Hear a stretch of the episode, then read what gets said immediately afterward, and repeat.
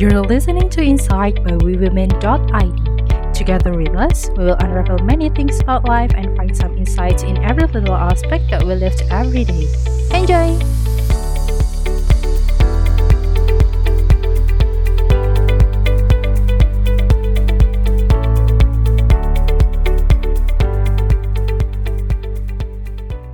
Selamat datang di Insight by Women.id. Kali ini sama Tania. Terus sekarang uh, gue udah sama nakes keren kita, frontliner selama corona, garda terdepan. Ada uh, Dinda, Adinda Fauzia Fadila. Boleh saya hai dulu? Hai semuanya. Halo Tania. Halo, jadi Dinda ini kita teman SMA, tapi kita kuliah di bidang yang sangat berbeda. Terus dia um, kebetulan masuk ke bidang medis, jadi tenaga kesehatan. Nanti kita bakal cerita-cerita banyak soal um, suka dukanya Dinda selama menjadi tenaga kesehatan. Apalagi selama masa pandemi ini, pastikan uh, banyak banget tuh up and down-nya. Walaupun mungkin lebih banyak down-nya ya. Iya sih, down banget sampai apa ya? Newsroom kalau kata orang Jerman. Oke deh, kalau gitu Dinda boleh kenalan dulu mungkin. Halo semuanya, kenalin gue Dinda, uh, salah satu nurse di rumah sakit. Rumah sakitnya disebutin gak ya? Rumah sakit pendidikan lah ya, uh -uh. Uh, di Depok. Uh -uh sekarang gue kerja di bagian atau di ruangan ICU khusus untuk COVID. Udah berapa lama tuh, Din? Uh, kalau di ICU-nya sih dari pertengahan tahun lalu ya, Tan. Awalnya mm -hmm. kan gue di IGD. Mm -hmm. Di IGD itu sempat pas dari awal uh, mulai pandemi itu gue di IGD berapa bulan ya dua atau tiga bulan gitu. Setelah itu ditarik ke ruangan rawat inap COVID juga. Sempat mm -hmm. pindah satu dua bulan. Mm -hmm. Setelah itu karena banyaknya butuh ICU, ikut pelatihan ICU dan pindah ke ICU sampai sekarang. Oke. Berarti sampai sekarang ya masih di ICU. Mostly shiftnya pagi apa malam? Kalau di gue apa polanya itu tiga hari masuk, satu hari lepas, satu hari libur. Jadi pagi, sore, malam lepas libur gitu. Karena lagi pandemi ini, jadi shiftnya kita dikurangin, tapi jamnya sih tetap ya. Selama lo jadi nurse di critical care, lo pernah positif COVID nggak, Din? Alhamdulillah sampai sekarang belum pernah sih. Jangan sampai sih, jangan sampai ya. Aduh, jangan sampai banget. Enggak deh. Iya, jangan sampai sih ya. Tapi soalnya kan gue sering denger kan kayak nakes-nakes sekarang juga udah banyak yang kolaps gara-gara terjangkit mm -hmm. juga, positif COVID juga. Tapi semoga Dinda sehat-sehat terus ya. Amin, Tanya juga. Gimana nih awalnya lo bisa masuk ke dunia nurse atau dunia keperawatan boleh di-sharing nggak? Hmm, Oke. Okay seperti yang kita tahu ya kan gue juga tahu banget pasti dari SMA gue tuh pengennya awalnya itu di kedokteran gitu kan. Tapi uh, dunia ini kadang harus dipersiapkan rencana yang kedua ya. Jadi setelah tes di berbagai macam perguruan tinggi uh, apa namanya backup atau rencana kedua yang gue pikir paling dekat pekerjaannya dengan kedokteran itu keperawatan. Dan kebetulan uh, kakak gue juga perawat. Kakak gue yang kedua itu perawat. Gue tanya gimana sih dunia keperawatan? Uh, apa sama nggak sih sama dunia kedokteran? Gitu kan. Atau kurang lebihnya pekerjaannya kan sama ya memegang pasien terus merawat pasien-pasien dan di rumah sakit juga kayak gitu. Terus akhirnya dijelasin sama dia kayak gimana diberi dikasih gambaran lah gitu ya dan ya udah gue ngambil perawatan gitu. Dan ternyata ditakdirkannya di sini sama Allah gitu. Kan pasti kami juga ngalamin lah yang kita apa waktu masuk perguruan tinggi tuh tes sana sini sampai berdoa berikan yang terbaik dari sisimu ya Allah gitu kan. Iya iya benar-benar dan jawabannya keperawatan gitu. Alhamdulillah sih. Itu awal mulanya. Iya terus um, lo kan di critical care nih sekarang. Nah gimana lo bisa sampai ke critical care gitu? Karena itu kan spesifik banget tuh. Apakah emang ada pendidikannya secara khusus atau gimana?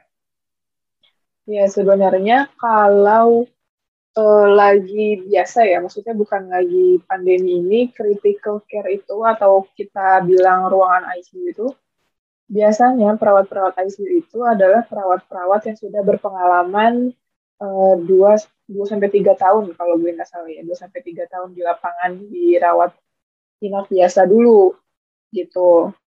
Terus ikut pelatihan uh, setelah ikut pelatihan dapat sertifikat baru nanti bisa menjadi perawat di ICU nah tapi karena kita pandemi dan rumah sakit gue terbilang rumah sakit baru dan karyawannya juga belum banyak gitu. Jadi uh, nurse-nurse yang sudah lolos dan berminat saat itu ya berminat untuk menjadi perawat di ICU itu ditarik-tarikin diambil dari ruangan dan diberikan pelatihan selama kurang lebih tiga bulan lah. Tiga bulan pelatihan terus ada ujiannya juga eh, baik online maupun offline ya kalau online kan bisa teori gitu kan kayak apa ya teori-teorinya atau tertulis lah gitu. Kalau offline itu lebih ke praktiknya, gimana kita ketika menghadapi uh, keadaan di mana pasiennya lagi urgent atau atau ya keadaan semacam itu lah. Nah itu setelah lolos uh, ada tugasnya juga kelolaan kasus gitu, kelolaan kasus dan setelah lolos uh, semua tahapnya baru dikasih sertifikat dan kerja di ICU gitu. Kalau untuk totalnya pendidikannya tuh berapa tahun sih Din jadi nurse? Kalau nurse itu eh, pendidikan S1 keperawatannya atau sarjana keperawatan itu sama empat tahun juga paling cepat ya empat tahun karena kalau di kampus itu tidak ada program apa sih yang bisa dipercepat gitu jadi empat tahun setelah itu profesi satu tahun profesi satu tahun untuk mendapatkan gelar nurse. Habis itu selesai. Gak ada isip atau yang ada isip kayak di kedokteran gitu. Oke, berarti Jadi total lima tahun. Total total lima tahun ya. Mm-hmm. Tapi cukup panjang juga sih untuk proses menjadi si nurse-nya ini. Iya. Ritme kerja lo sebagai nurse itu gimana nih pada umumnya dulu ya sebelum pandemi itu gimana apakah shift atau tiap hari lo kerja seminggu uh, kerja terus terus seminggu off misalnya kayak gitu atau gimana karena kan pasti beda tuh nggak 9 to 5 kayak orang-orang pada umumnya iya benar-benar kalau di rumah sakit gue yang sekarang ini uh, kerjanya shift ya karena kan kita di ruangan ya. Kalau di ruangan atau di GD itu biasanya shiftan. Kalau yang mengikuti jam kerja itu biasanya di poli di atau yang rawat rawat jalan. Itu. Nah, kalau sebelum pandemi itu shiftnya bisa dua hari pagi, dua hari sore, dua hari malam, habis itu lepas libur-libur. Begitu. Jadi semuanya serba dua hari. Jadi kan lebih panjang tuh ya, enam hari kerja, uh, satu hari lepas dua hari libur kayak gitu kan nah kalau semenjak pandemi ini karena beban kerjanya bertambah terus resiko infeksinya juga tinggi terus uh, banyak yang kelelahan karena menggunakan APD juga kan ya jadi uh, apa namanya pola shiftnya itu diganti. Tadi yang uh, gue bilang itu cuma pagi sore malam habis itu lepas habis itu libur. Jadi satu satu siklus itu dari terdiri dari tiga hari kerja satu lepas. Lepas itu artinya kita habis uh, dinas malam terus pulang gitu. Habis itu nggak dinas lagi. Itu habis itu baru libur. Jadi lebih pendek memang kalau dari polanya ya dari siklusnya uh, sama pandemi ini berarti kan sivil lebih pendek tapi apakah uh, menjadi lebih melel rasanya tuh lebih melelahkan dari shift biasa atau gimana? Wah, iya banget sih. Dulu gue waktu di IGD ya, sebelum pandemi nih, karena rumah sakit baru juga kan, terus letaknya di dalam kampus, jadi uh, aksesnya nggak segampang rumah sakit yang letaknya di pinggir jalan gitu. Biasanya kan kalau ada apa rumah sakit pinggir jalan tuh lebih lebih mudah ya diakses sama calon calon pasien gitu. Nah karena letaknya di dalam, jadi pasien tuh jarang banget, jarang banget gue kayak sering banget, nggak sering banget juga sih, sering satu shift itu nggak ada pasien atau kayak cuma satu dua gitu nggak sampai lima sepuluh tuh nggak atau full gitu tuh nggak gitu. Nah tapi semenjak pandemi ini uh, pas gue sempat di IGD juga kan gue waktu itu itu pasien nggak berhenti berhenti bahkan full gitu. Dan uh, sampai bisa keluar-luar karena nggak kebagian tempat di dalam. Kayak gitu. Terus uh, semenjak kasus sekarang lagi naik juga ya selama di ICU walaupun istilahnya kayak kerja cuma 8 jam gitu kan atau paling lama kalau dinas malam itu kan 12 jam ya dari jam 8 malam sampai jam 8 pagi paling cepat. Tapi bisa kita tuh bisa keluar dari red zone tuh baru jam 9 atau jam 10 pagi gitu. Karena ada kondisi perburukan atau lain hal dari yang terjadi di dalam gitu. Nah itu jujur aja setiap pulang tuh rasanya gue habis kayak kayak orang habis digebukin tuh gak sih? Saking saking capeknya tuh. Jadi pulang tuh kayak udah gak bertenaga udah kayak es ditaruh di tengah hari gitu loh meleleh. Udah nggak ada tulangnya gitu. Ini capek banget. Kalau dibilang capek kerja yang sekarang tuh lebih capek. Walaupun jam kerjanya sama aja sebenarnya. Pasiennya segitu-segitu aja tapi kalau di ICU kan segitu-segitu aja ya. Maksudnya mau sebanyak apa pun tapi uh, pasien kita pegang akan dua atau tiga pasien. Dengan jumlah nurse-nya uh, dua sampai tiga orang juga. Gitu. Cuma beratnya itu dari kondisi pasien, terus dari rencana-rencana yang akan dilakukan, karena pasien-pasien COVID itu perburukannya cepat. Jadi kadang uh, dan nggak nggak apa ya nggak terprediksi. Jadi kadang tuh pasien dalam kondisi bagus, terus tiba-tiba perburukan cepat, jadi butuh penanganan yang lebih cepat juga, kayak gitu. Itu sih yang gue rasain sekarang.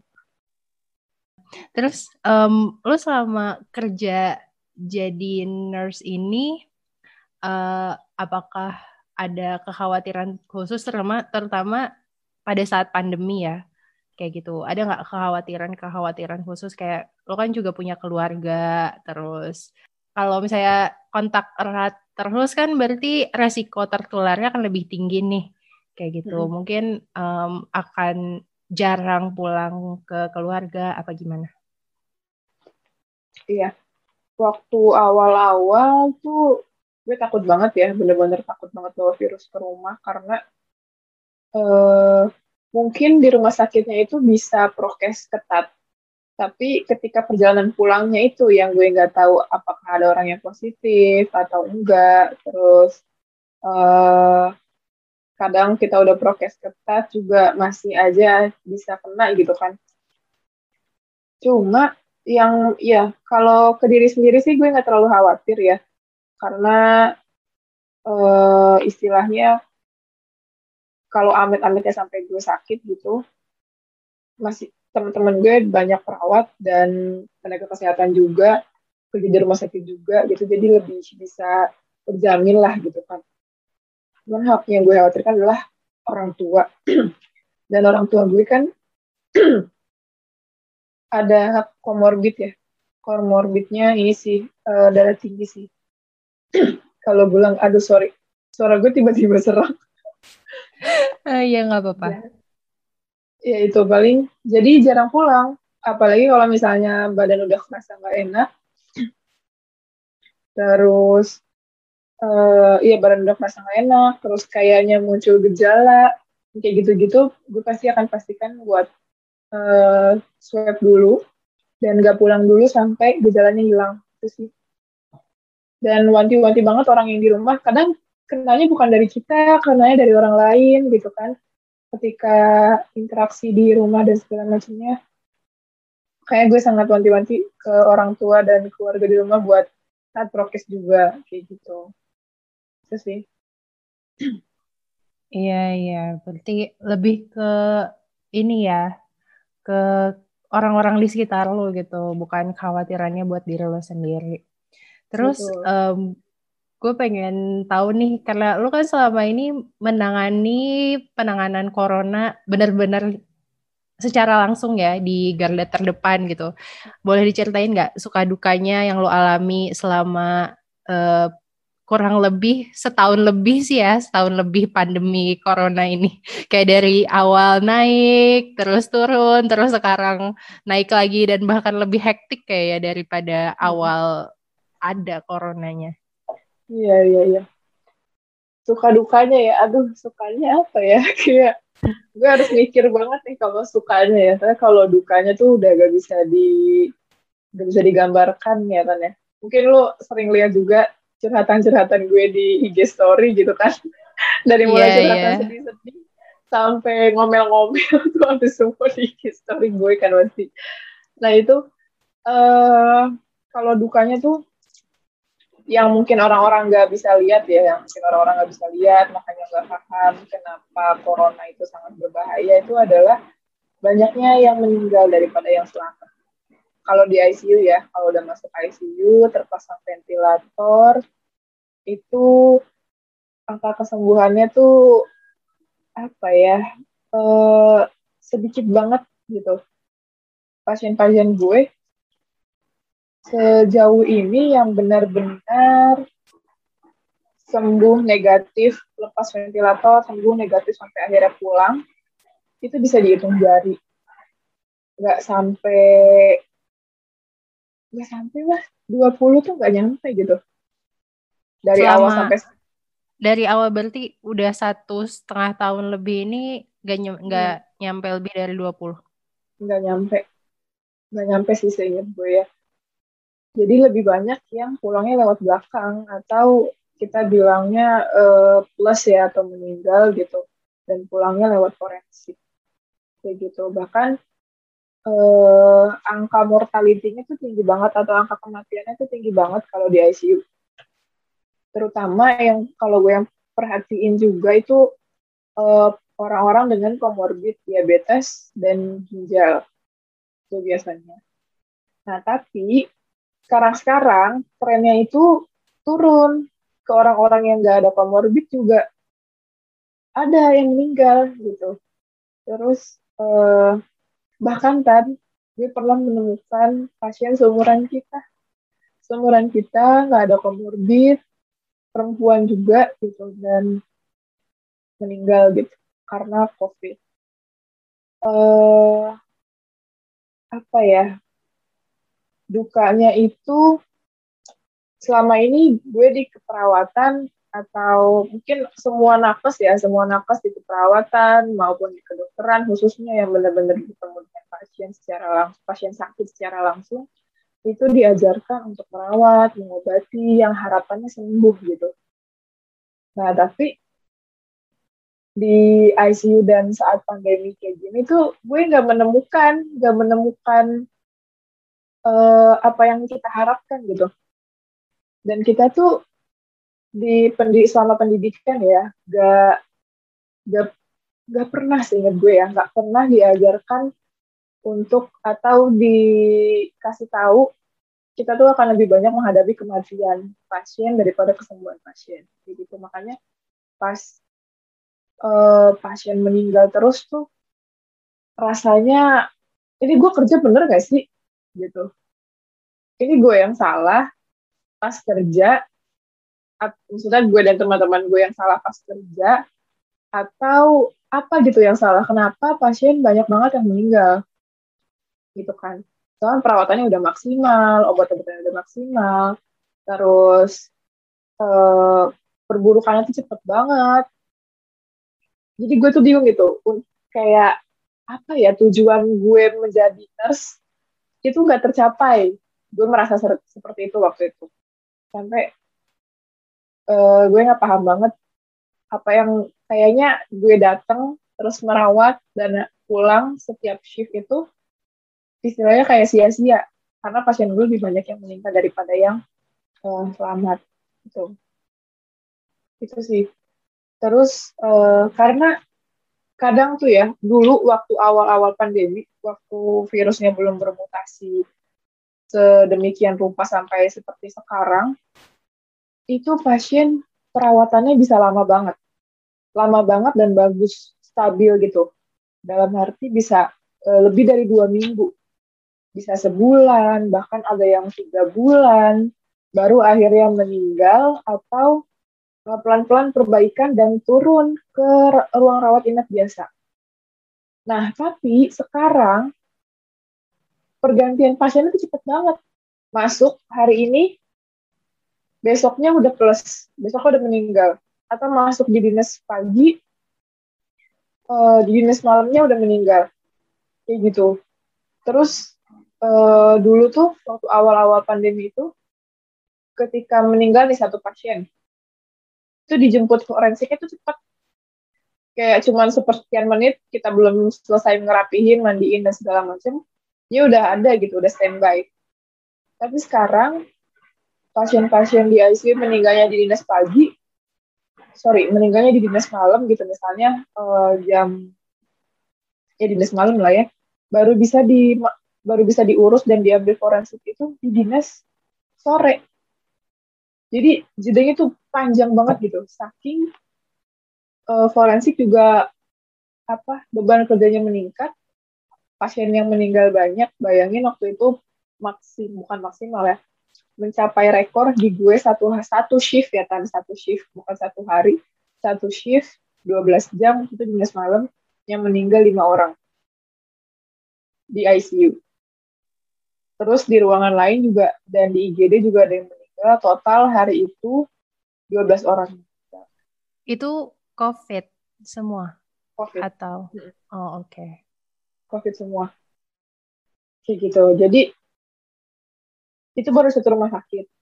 Belum rumah sakit-rumah sakit yang lain gitu. Mau, ini kan gue udah setahun lebih ya, menghadapi keadaan yang kayak gini gitu mau berkali-kali, mau berjuta kali pun kita mendampingi pasien dan keluarganya ya. Karena kalau misalnya lagi perburukan gitu, lagi di resusitasi, kita akan menghubungi keluarga untuk bisa bantu talkin atau membimbing kayak gitu dari sisi keluarga sekaligus melihat uh, ketika kondisi terakhir itu mau berjuta kali kejadian kayak gitu rasanya tuh apa ya gak bisa deh gak bisa gak bisa buat gak peduli gak bisa buat gak sedih gak bisa gak kasihan gitu. Apalagi pasien-pasien yang bener-bener lo tahu banget dari awal sampai akhir. Dulu gue penasaran banget kenapa ya perawat itu bisa hafal pasiennya dari A sampai Z? Padahal pasiennya tuh banyak gitu. Nah setelah gue jadi nurse gue bisa merasakan itu gitu. Karena kita tahu dari masuk awalnya keadaannya kayak gimana wataknya kayak gimana sifatnya kayak gimana karakternya kayak gimana karakter pasien dan keluarganya juga gitu apalagi untuk pasien-pasien yang sangat baik yang sabar yang optimis terus akhirnya dia butuh bantuan oksigen yang maksimal sampai terintubasi kalau udah terintubasi kan masuk obat-obatan sedasi ya atau obat-obat bius jadi pasiennya nggak akan sadar gitu. Nah kondisinya itu cuma bisa kita pantau dari uh, monitor dan alat-alat yang terpasang. Itu sampai akhirnya misalnya dia meninggal, itu tuh kebayang gitu loh kan, mukanya, ekspresinya. Kalau pasien dulu tuh ya, pasien-pasien gue yang meninggal, uh, setiap pulang, gue pasti nangis. Nangis, gak bisa tidur, kebayang muka-mukanya dan rasanya tuh gak ikhlas. Keluarganya mungkin ikhlas ya, keluarganya mungkin lebih ikhlas. Terus uh, dianya juga almarhumnya juga lebih ikhlas gitu. Tapi gue yang merasa nakesnya tuh justru gak ikhlas. Apalagi yang udah per perbaikan gitu, kondisinya udah baik. udah lepas ventilator tiba-tiba perburukan dan segala macam akhirnya meninggal tuh kayak kenapa ya kok bisa kok bisa apa yang salah apa yang salah gitu gue sempat ada di fase uh, demo sih kayak udah mau berangkat kerja gitu capek capek banget. Yang capek tuh bukan fisik doang tapi lebih psikis sih. Capek mm-hmm. menghadapi kematian sehari-hari melihat pasien-pasien sakit tuh sedih. Apalagi sampai yang perburukan kayak ya Allah kok bisa sih? Walaupun tapi akhirnya gue belajar sih. Semaksimal apa pun yang kita kasih uh, perawatan yang kita kasih terus obat-obatan yang namanya takdir mah nggak bisa ada yang hindari gitu kan. Kematian nggak ada yang bisa hindari gitu. Dan sekarang gue udah mulai bisa berdamai. Kayak uh, lo udah ngelakuin yang terbaik kok buat pasien lo. Lo udah merawat mereka dengan baik kok. Itu hanya tapi Allah tahu yang terbaik buat mereka memang. Mungkin uh, dipanggil ke sisi terbaiknya supaya mereka nggak sakit lagi mereka nggak tersiksa lagi. Karena itu kan terpasang segala macam alat tuh pasti sakit banget kan? Itu itu sih dukanya banyak sebenarnya tadi yang uh, apa ya bisa dirasakan tapi susah banget buat diungkapkan gitu. Iya iya iya. Yang cuma gitu. yang cuma dirasain sama orang yang mengalami langsung gitu ya Din. Susah juga buat dilihat sama yang nggak kelihatan mungkin sama kita yang nggak ada di sana kayak gitu hmm.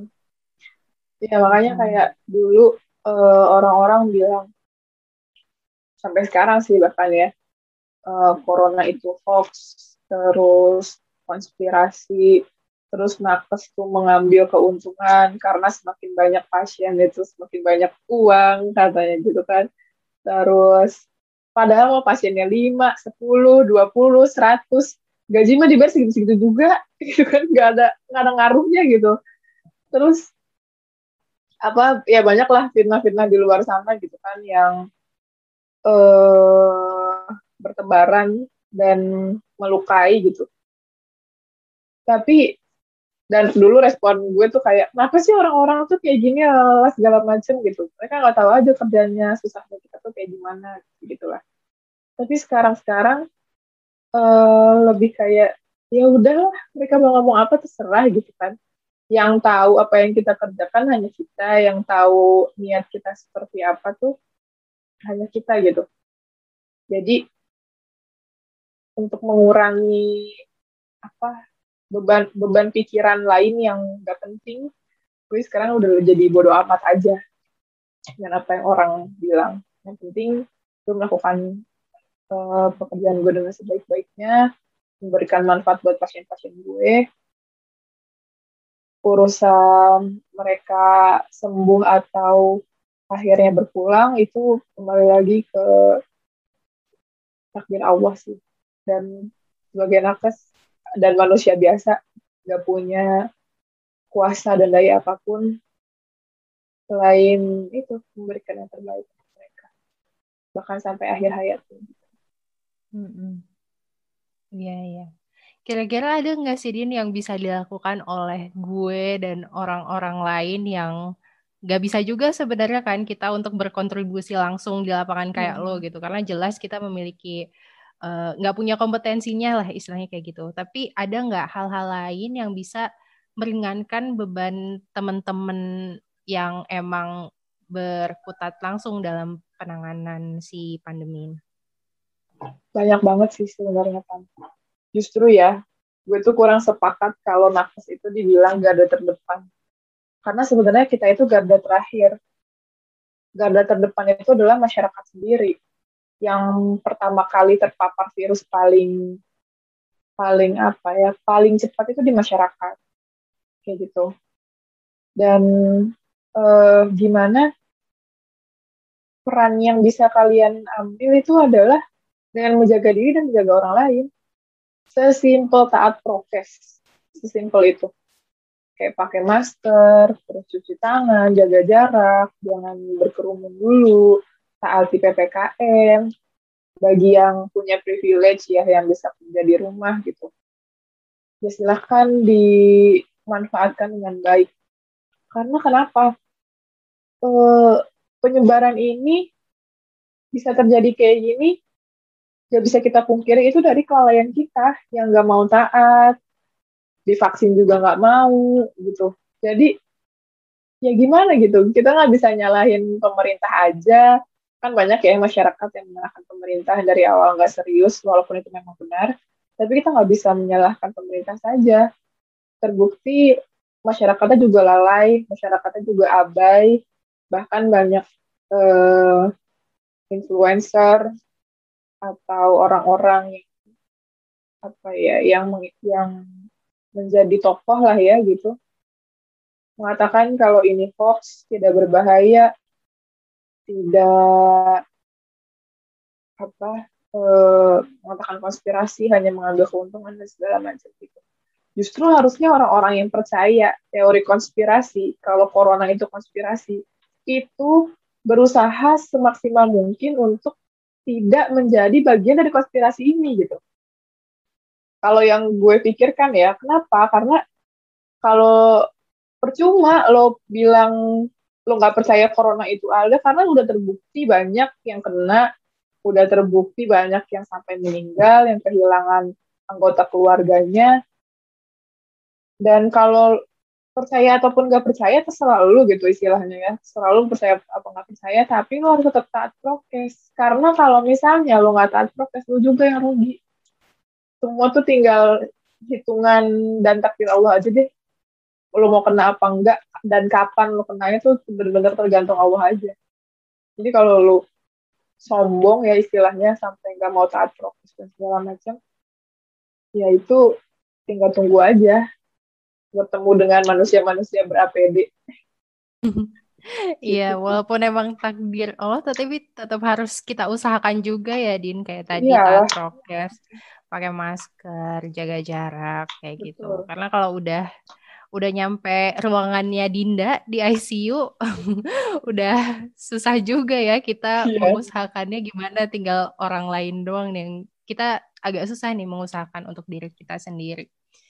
Um, Oke, okay.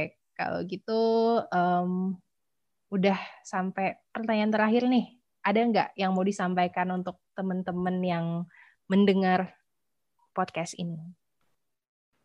Wah banyak ya yang mau disampaikan.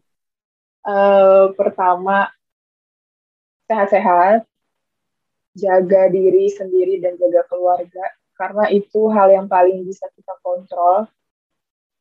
Untuk orang lain yang tadi uh, gue bilang mau percaya mau nggak percaya terserah. Yang penting lo dan keluarga lo harus selamat. Sampai pandemi ini selesai. Yang nggak tahu kapan gitu. Um, itu yang pertama sehat-sehat. Jaga, jaga kesehatan jaga kewarasan juga. Yang kedua banyak-banyak sabar. Itu sih karena menurut gue kan dua tahun kurang lebih dua tahun ya mau dua tahun ini corona ini sangat-sangat menguji kesabaran semua orang gak ada istilahnya yang mendapatkan keuntungan atau hidupnya lebih enak ketika pandemi kayak sekarang gitu. Semua orang susah. Dari mulai pemerintah sampai rakyat-rakyat kecil juga susah semuanya. Sampai nakes juga susah gitu. Jadi benar-benar kita harus banyak-banyak stok sabar. Bagi para pejuang negatif, semoga cepat sembuh, cepat pulih lagi, cepat sehat lagi supaya bisa kumpul sama keluarga. Terus bagi orang-orang yang belum percaya atau belum mau taat prokes, semoga segera tersadarkan ya. Jangan sampai kena dulu, baru habis itu taubat. semoga taubatnya, semoga segera dibukakan itu hatinya, supaya bisa taubat segera sebelum terlambat. Cobalah lebih peduli dan lihat lingkungan sekitar gitu. Lihatnya pakai hati, jangan pakai mata aja. Terus buat para nakes. Semangat ya. Dia udah dia nggak semangat juga nggak apa-apa sih. maksudnya kadang gue tuh capek gitu loh kan disemangatin orang. Iya, semangat yeah, yeah. ya Din. Semangat ya kerjanya. Enggak nggak mau. Gue udah nggak semangat. Udah udah nggak ada rasanya ya. Iya udah kayak enggak gue udah nggak mau disemangatin sumpah.